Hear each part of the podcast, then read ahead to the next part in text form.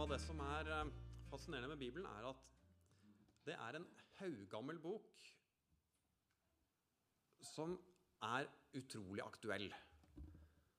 Som handler om mennesker som levde for veldig lenge siden, to og tre og 4000 år siden,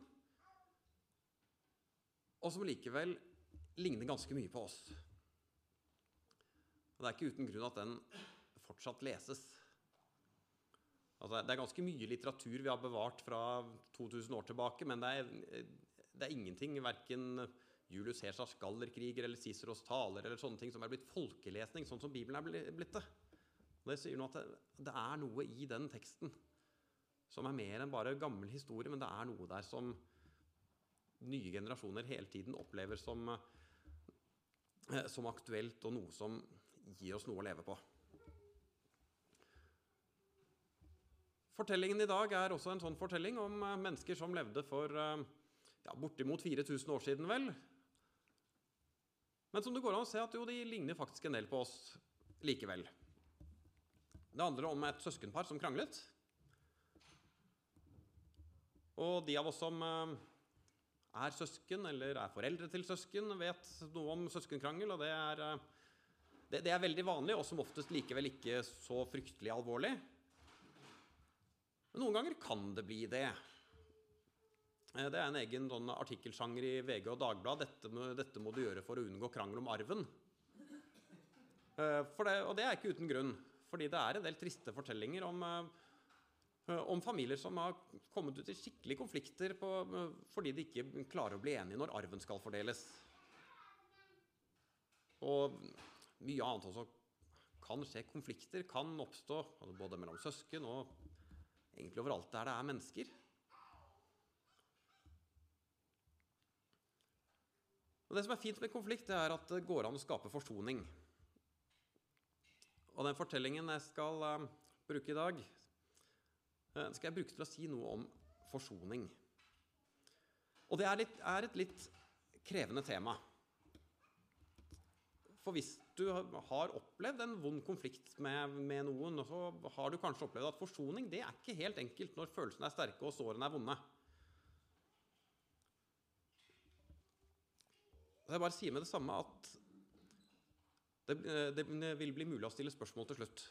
Og hvis jeg skulle si noe her som du syns er litt rart, eller vil spørre mer om, eller vil kommentere, eller noe sånt, så, så kommer jeg til å gi mulighet for det. Sånn hvis det er noe som trengs å presiseres enda mer av det jeg sier, eller hvis du er uenig, eller et eller annet, så, så får du noen tanker underveis som du tenker dette lurer jeg litt på, så, så hold på den til, til jeg er ferdig. Dagens fortelling er fra første Mosebok. Den handler om to brødre som heter Esau og Jakob. De er tvillinger, men Esau er eldst. Han kom ut først. De er sønnene til Isak, som er sønnen til Abraham. Og Det sies jo gjerne at tvillinger har et ekstra nært bånd. Det gjelder ikke for Esau og Jakob. For hele fortellingen om dem er en fortelling om krangel og konflikt. Vi leser om at de var veldig forskjellige. Esau var, var, jeger og dro mye ut og, og var, var, aktiv og kanskje litt mandige av dem. Jakob likte seg bedre ved, ved, teltene, og han var morens favoritt, mens Esau var farens favoritt. Og så var det en dag Esau hadde vært ute og jaktet og kom hjem og var sliten. og Jakob hadde laget til noe mat. Han hadde laget en, en linsegryte av noe slag, og Esau var skikkelig sulten og sier 'Kan jeg få litt av det, det du har laget der?' Jakob, som er en skikkelig sleiping, han sier 'Da må du først selge meg førstefødselsretten din'. Og førstefødselsretten det var en viktig ordning på den tiden. Det handlet om at den av sønnene som var født først og Døtre fikk aldri førstefødselsrett, samme hvor førstefødt de var, men det, det, det var sånn det var da.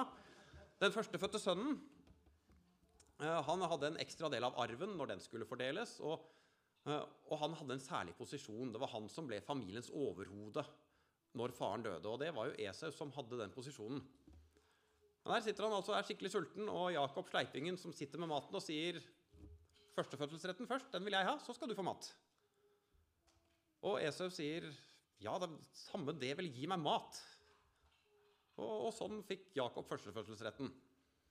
Og du kan jo si at her var jo Esau ganske dum og korttenkt også, da, så vi skal ikke legge all skyld på Jakob her. Selv om han, han er jo sleipingen som utnytter en situasjon, men vi må kunne si at Esau var også ganske korttenkt i denne situasjonen her.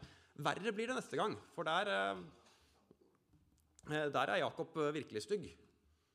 For det var også sånn at uh, den eldste i familien hadde rett på en særlig velsignelse av faren. Og da tiden kom for den, så dro Esau ut på jakt igjen for å finne noe som han kunne tilberede til faren og, og, og lage til, og, og, så skulle han få denne veldig spesielle velsignelsen som var en nærmest et slags ritual som var den ene gangen og var veldig viktig og høytidelig. Men mens Esau er ute og jakter, så finner Jakob og hans mor, som også er litt sleip, ut at nå kler vi deg ut som Esau. For Isak, Isak, er blitt ganske blind på sine gamle dager. Så ta på, ta på, deg noe av Esaus klær, så du lukter litt som ham, og legg noe sauehull på brystet, så du kjennes lodden sånn som han er. Og så lages til noe mat, og så går du inn og får velsignelsen. Og sånn gikk det. Og, og Isak gir, gir Jakob denne spesielle velsignelsen som som bare kunne gis den ene gangen. Og Jesu kommer tilbake etter hvert og skjønner hva som har skjedd, og blir rasende. Men at han ikke bare nå har mistet førstefødselsretten til, til Jakob, men han mistet også velsignelsen. Og, og, Jakob skjønner at nå er det alvor. Så han og moren ble enige om at nå må han flykte. Og Han drar av gårde, kommer til morens bror, som heter Laban. Jeg skal ikke ta hele historien om alt som skjer der, men for å gjøre det veldig kort Jakob blir der i til sammen 20 år. Eh, I løpet av den tiden gifter han seg med begge Labans to døtre, Lea og Rakel, og han får, får mange barn med, eh, med, dem. Etter 20 år er han kommet litt på kant med Laban også. Og bestemmer seg for å vende tilbake til landet han eh, kommer fra. Nå er han veldig spent på hvordan blir det nå å møte Esau igjen. Så han sender bud til eh, Esau og sier at 'nå er jeg på vei'. Jeg vil gjerne møte deg. Håper vi, håper vi kan eh, sette en strek over og leve, leve, greit sammen nå. Og Budbæreren kommer tilbake og sier at Esau kommer mot deg og han har med seg 400 mann. Og Da blir Jakob ganske engstelig, for hva skal han med de 400 mennene? Eh, han har med seg en diger flokk med husdyr. Nå skyller han ut en god del av dem til sammen eh, over 500 dyr. Eh, og sender av gårde til, eh, til Esau i flere flokker. Så først kommer en flokk med sauer, og så en flokk med, med kameler osv. Og, og for hver flokk så skal da Jesus spørre hva er dette, og den som driver flokken skal si det er gave seg fra Jakob. Ikke alt på en gang, men i flere porsjoner, sånn at det skal bli på en måte enda mer og enda mer. og sånn Gradvis bløtgjøre Esau er nok tanken. Når han da ser Esau komme mot seg og har med seg denne flokken med 400 mann, da deler Jakob det han har, i to flokker. Sånn i håp om at blir det kamp, så kanskje i hvert fall den ene flokken kan komme unna. At både familie og husfolk og husdyr og det som er.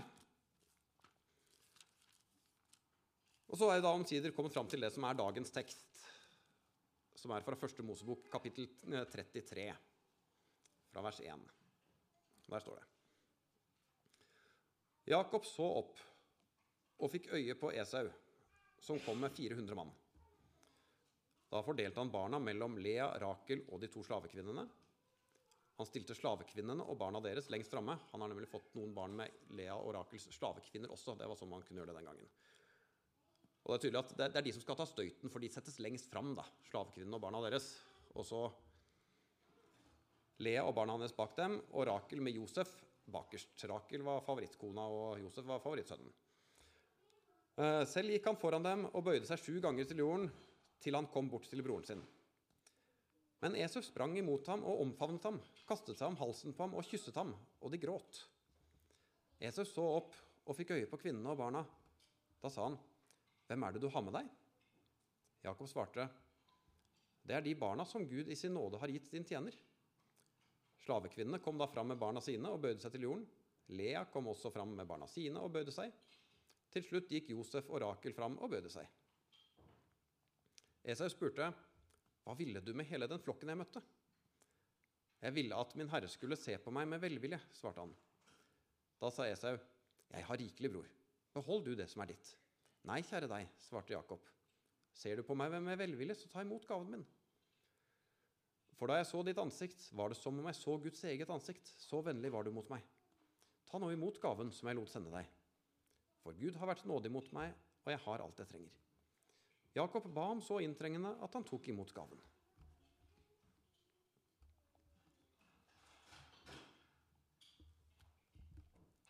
Så skal vi da se på hva kan vi lære om forsoning av denne fortellingen om Esau og Jakob. Og jeg har tre hovedpunkt. Det første er at forsoningen skal få starte hos Gud. Noe av det som er fint med fortellingen om Jakob, det er at Gud viser hele tiden at han er med Jakob, selv om Jakob er en sleiping og til tider nesten en kjeltring. Så er likevel Gud med, ikke fordi Gud bifaller alt det Jakob gjør, tror jeg, men fordi Gud har utvalgt Jakob. Da han var på flukt fra, Jakob, nei, fra Esau,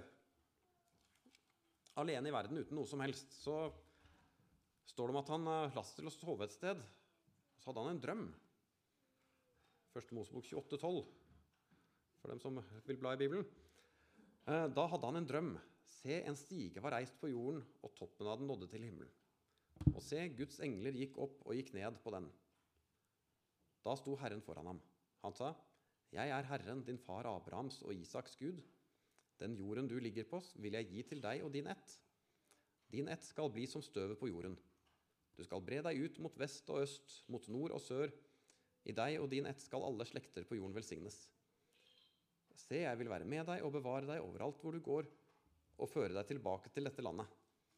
For jeg skal ikke forlate deg, men gjøre det jeg har lovet deg. Og vi skjønner at dette er ikke en premie til Jakob fordi Jakob er så snill og grei. Men Gud velger ut Jakob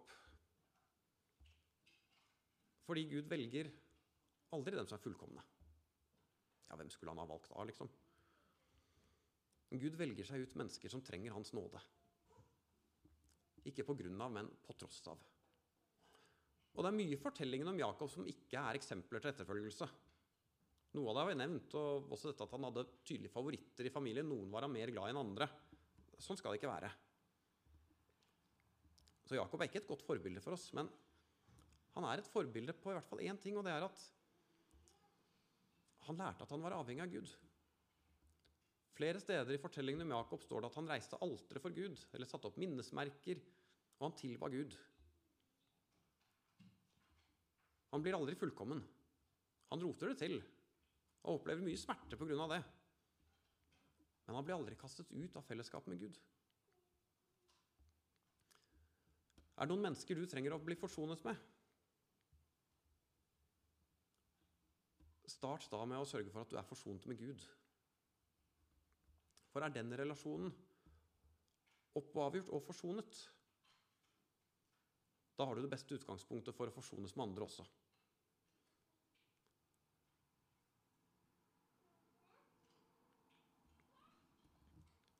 Og Hvordan skjer dette, den forsoningen med Gud?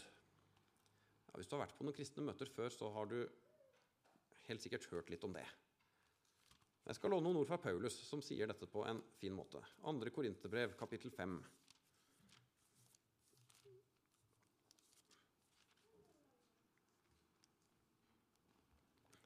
Der skriver han Nei, den som er i Kristus Fra 2.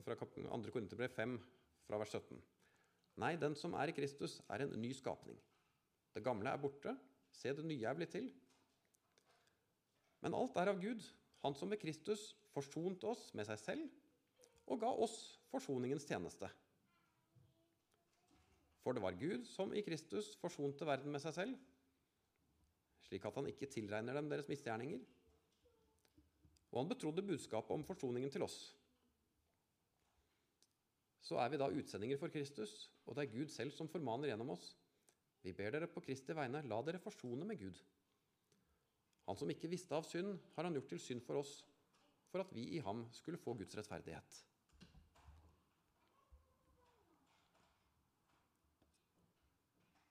Det beste utgangspunktet for forsoning med mennesker er husk at Gud har forsont seg med deg.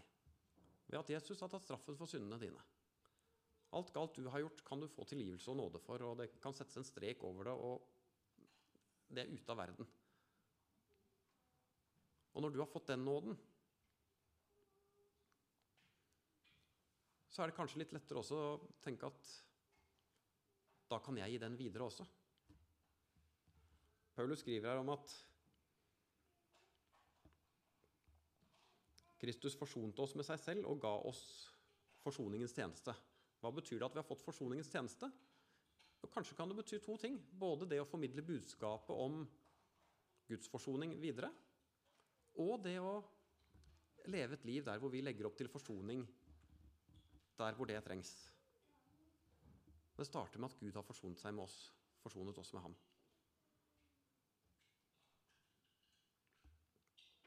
Så når det er noen som trenger nåde fra deg, husk på den nåden du selv har fått fra Gud.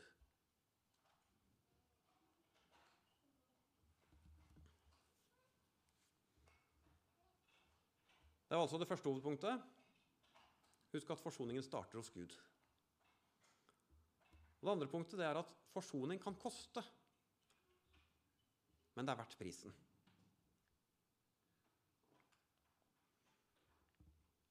Fortellingen om Esau og Jakob den handler en del om materialisme. Om privilegier og prestisje. Jakob hadde klart å overta Esaus to store privilegier. Førstefødselsretten og velsignelsen.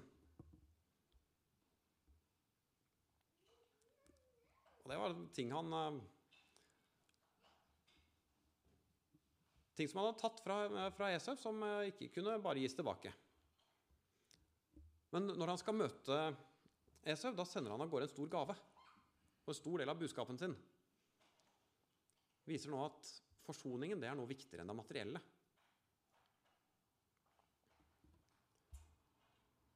Så er det ikke nødvendigvis sånn at om du må forsones med noen, så skal du sende av gårde en flokk med 500 dyr først. Men, men forsoning kan koste.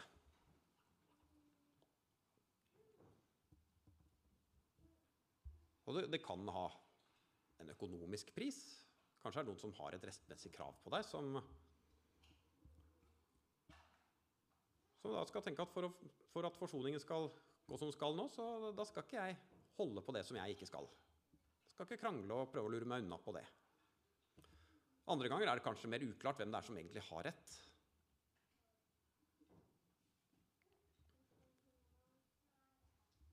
Og da, da gjelder det å tenke at det er viktigere å bevare en god relasjon enn å sitte igjen med mest mulig av materielle verdier.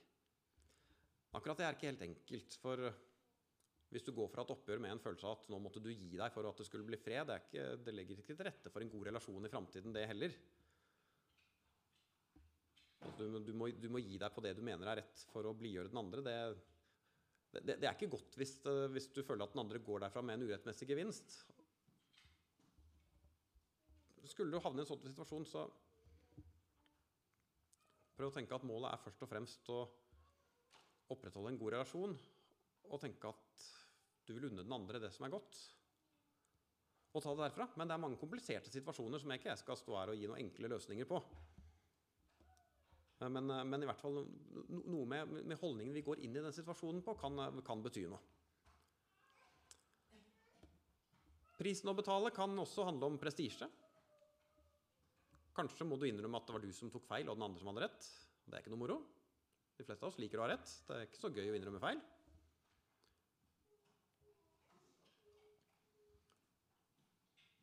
Kanskje også vet du helt, helt sikkert at det er du som har rett, men den andre vil ikke innse det. Eller kanskje er det flere perspektiver på saken, sånn at eh, både du og den andre har noen poenger. Altså Uansett hvordan dette er, Er det du som har gjort noen feil, eller er det du som har tatt feil? Innrøm din del av det. Og la resten være opp til den andre. Og, og ikke gå inn i den, eh, den, samtalen med en tanke om at jeg skal komme ut herfra med mest mulig prestisje. Det står mer respekt av den som kan eh, innrømme feil, enn den som alltid holder på sitt og nekter å gi seg. Og noen ganger må vi bare leve med at her blir vi ikke enige. Vi, vi kommer faktisk ikke fram til en, en, entydig konklusjon på hvem var det som gjorde feil her? Hvem var det som hadde rett? Da må kanskje målet være å tenke at greit, vi, vi blir ikke enige her. Kan vi komme dit at vi likevel kan leve greit sammen? Og, og legge dette litt bak oss og, og bevare en god relasjon til tross for at vi ikke klarer å få avklart det her.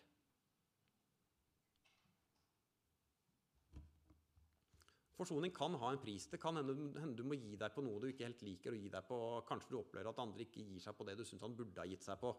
Og det, og det, her er ikke helt enkelt, og jeg skal ikke komme med enkle løsninger på ting som kan være ganske komplisert, men, men likevel Prisen for å få en forsonet og god relasjon opp, gjenopprettet er verdt det.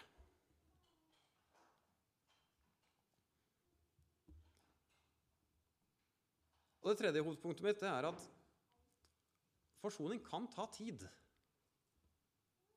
Og noen ganger må det få ta tid.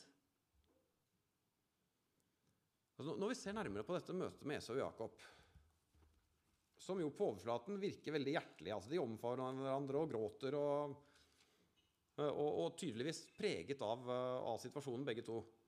Og samtidig, det, er noen ting under her som jeg ikke blir helt klok på. Hva, hva ligger egentlig i det?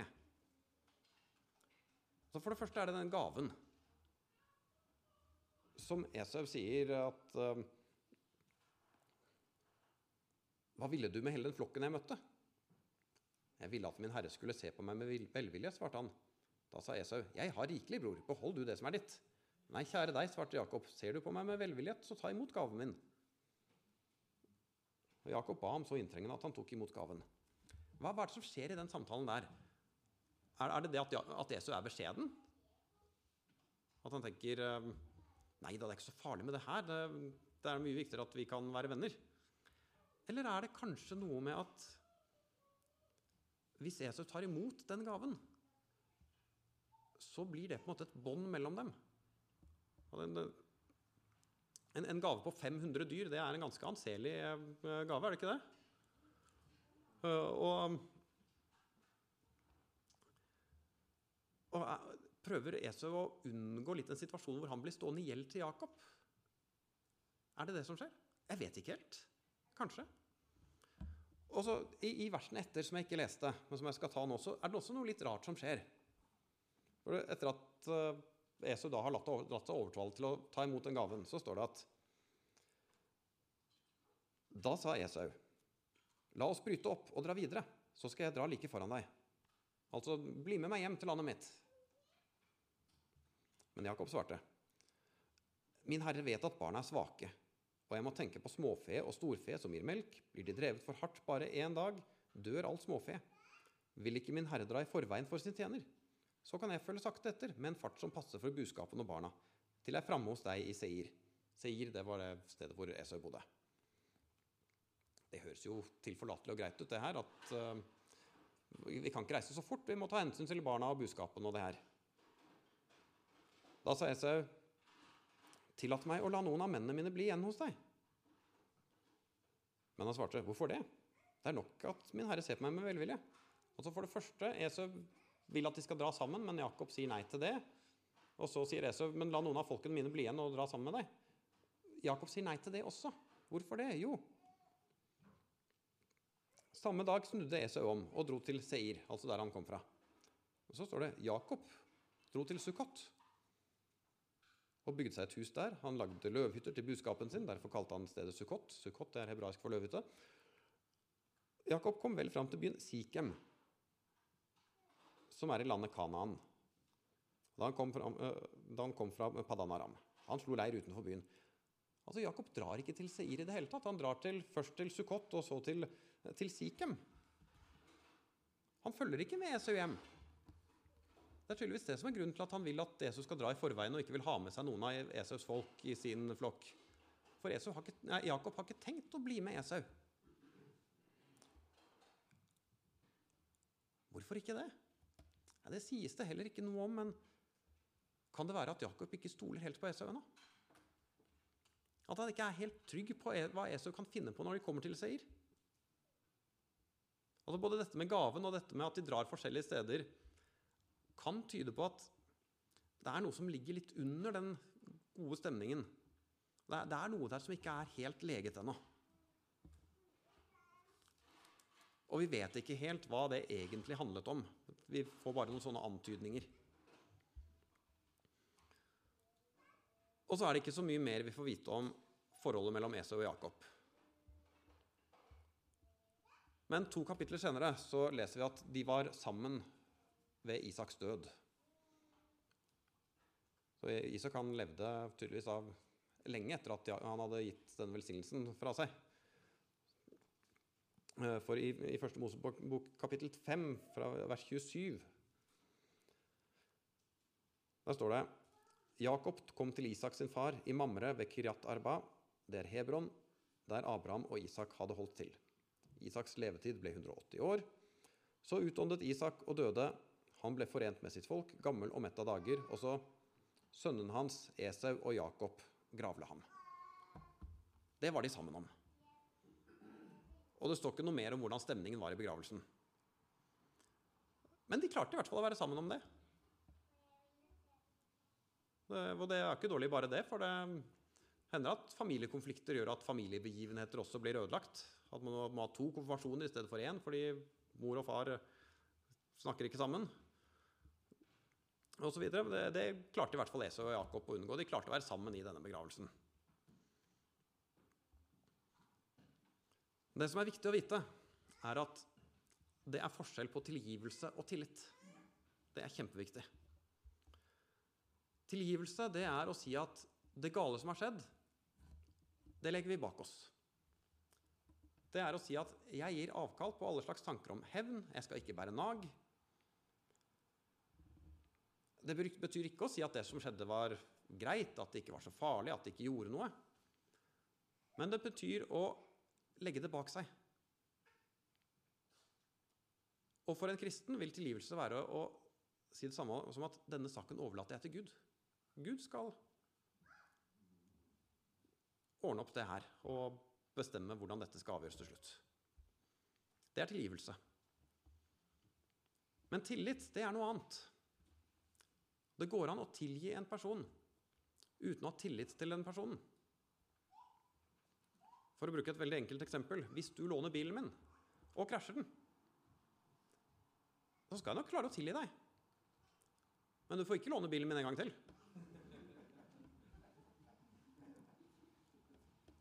Ja, for Dere skjønner forskjellen? Det går an å tilgi uten å, uten å stole på. Igjen, i hvert fall med det samme. Og Hvis noen har såret deg, så ber Gud deg om å tilgi. Men han ber deg ikke om å stole på dem igjen. Og han ber deg ikke om å la dem å fortsette å få såre deg. Forskjellen på tilgivelse og tillit er at tilgivelse handler om fortiden, og tillit handler om framtiden. Og tilgivelse er en gave, men tillit må fortjenes. Og tilgivelse det kan gis på et øyeblikk, men, men tillit kan trenge lang tid for å bygges opp igjen. Og kanskje er det noen som har såret deg så vondt at tillit aldri er mulig på nytt. Og da er det greit. Eksempler på det er har du vært gift med et maktmenneske så er det vanlig å si at det ekteskapet må du komme deg ut av for et ekteskap med et maktmenneske. Det som før ble kalt psykopat. Det uttrykket bruker vi ikke så mye lenger, men maktmenneske sier mye av det samme. Et slikt ekteskap er ikke et ekteskap, sa Edin Løvaas, men det er et sorturkammer. Og det, det, skal du få slippe å være i. Og den relasjonen skal ikke gjenopprettes for det, for det er ikke mulig. Men også i sånne situasjoner går det an å tilgi. For tilgi er ikke det samme som å si at det var greit. Det er ikke det samme som å stole på personen på nytt, og det er heller ikke det samme som å la personen fortsette å få såre deg. Og også i saker hvor det er snakk om seksuelle krenkelser og overgrep, er fornyet tillit ofte ikke mulig. For det som har skjedd, det var så gjennomgripende og så, så ille at tilliten den er faktisk ødelagt for alltid.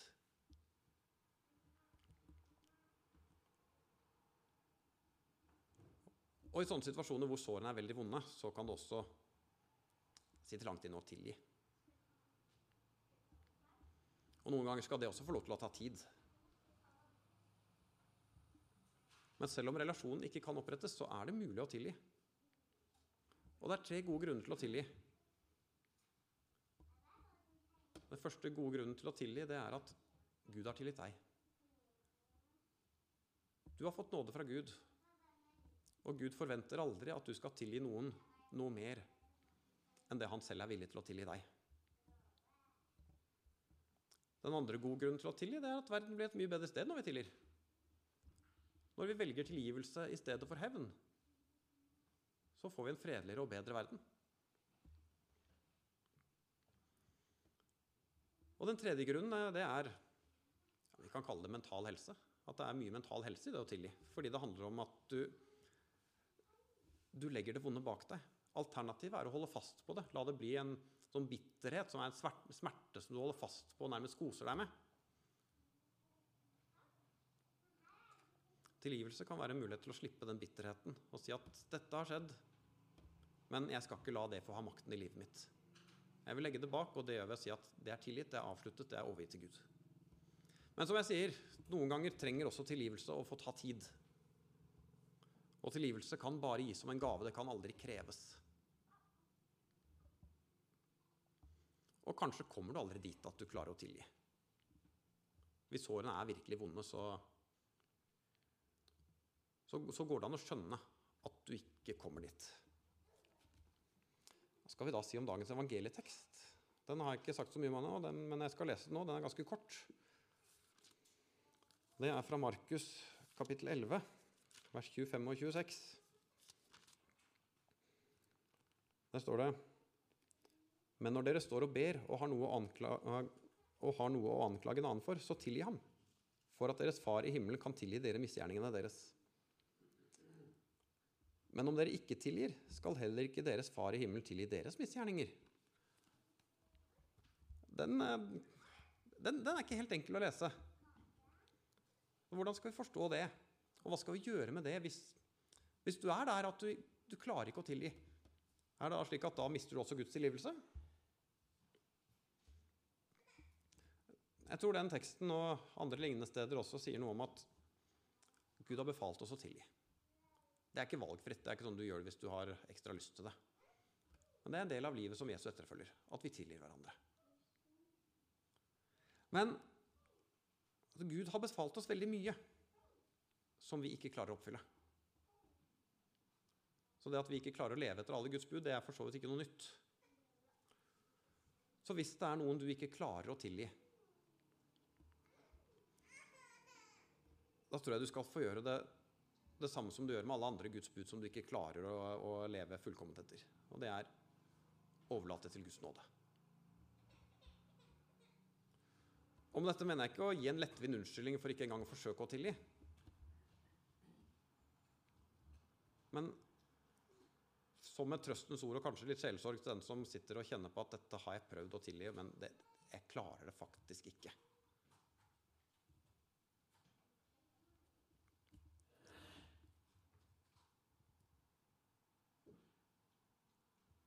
Og da skal vi også huske at du er ikke frelst fordi du er så flink til å tilgi.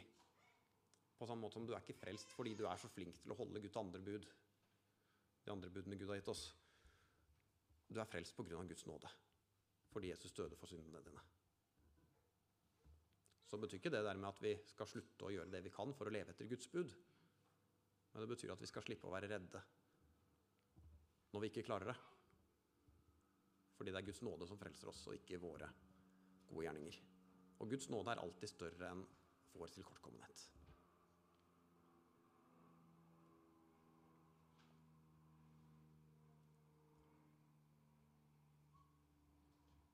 Så dette var uh, dagens ord om forsoning. Forsoning er ikke enkelt, men det er alltid verdt å anstrenge seg for å få det til. Og det starter med at Gud har forsonet oss med seg så skal vi få være med i forsoningens tjeneste. Vi skal få være med på å gi Hans nåde videre. Og Når vi er med på å skape forsoning, da er vi med på å slippe til enda litt mer av Guds virkelighet i vår verden og gjøre den enda mer synlig.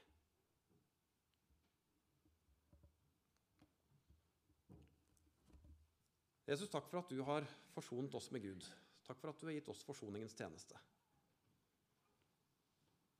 Hjelp oss til å lære av Esau og Jakob, både om ting vi ikke skal gjøre, og om å skape forsoning og fornye relasjoner når, når det trengs.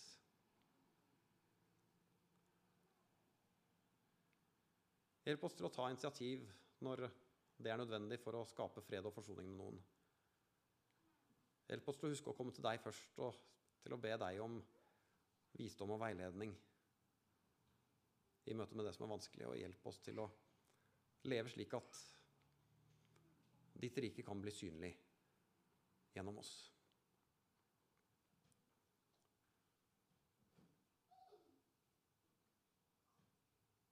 Amen. Takk for at du ville lytte til denne podkasten fra Verningen bedehus. For mer informasjon om vår forsamling, besøk vbh.no.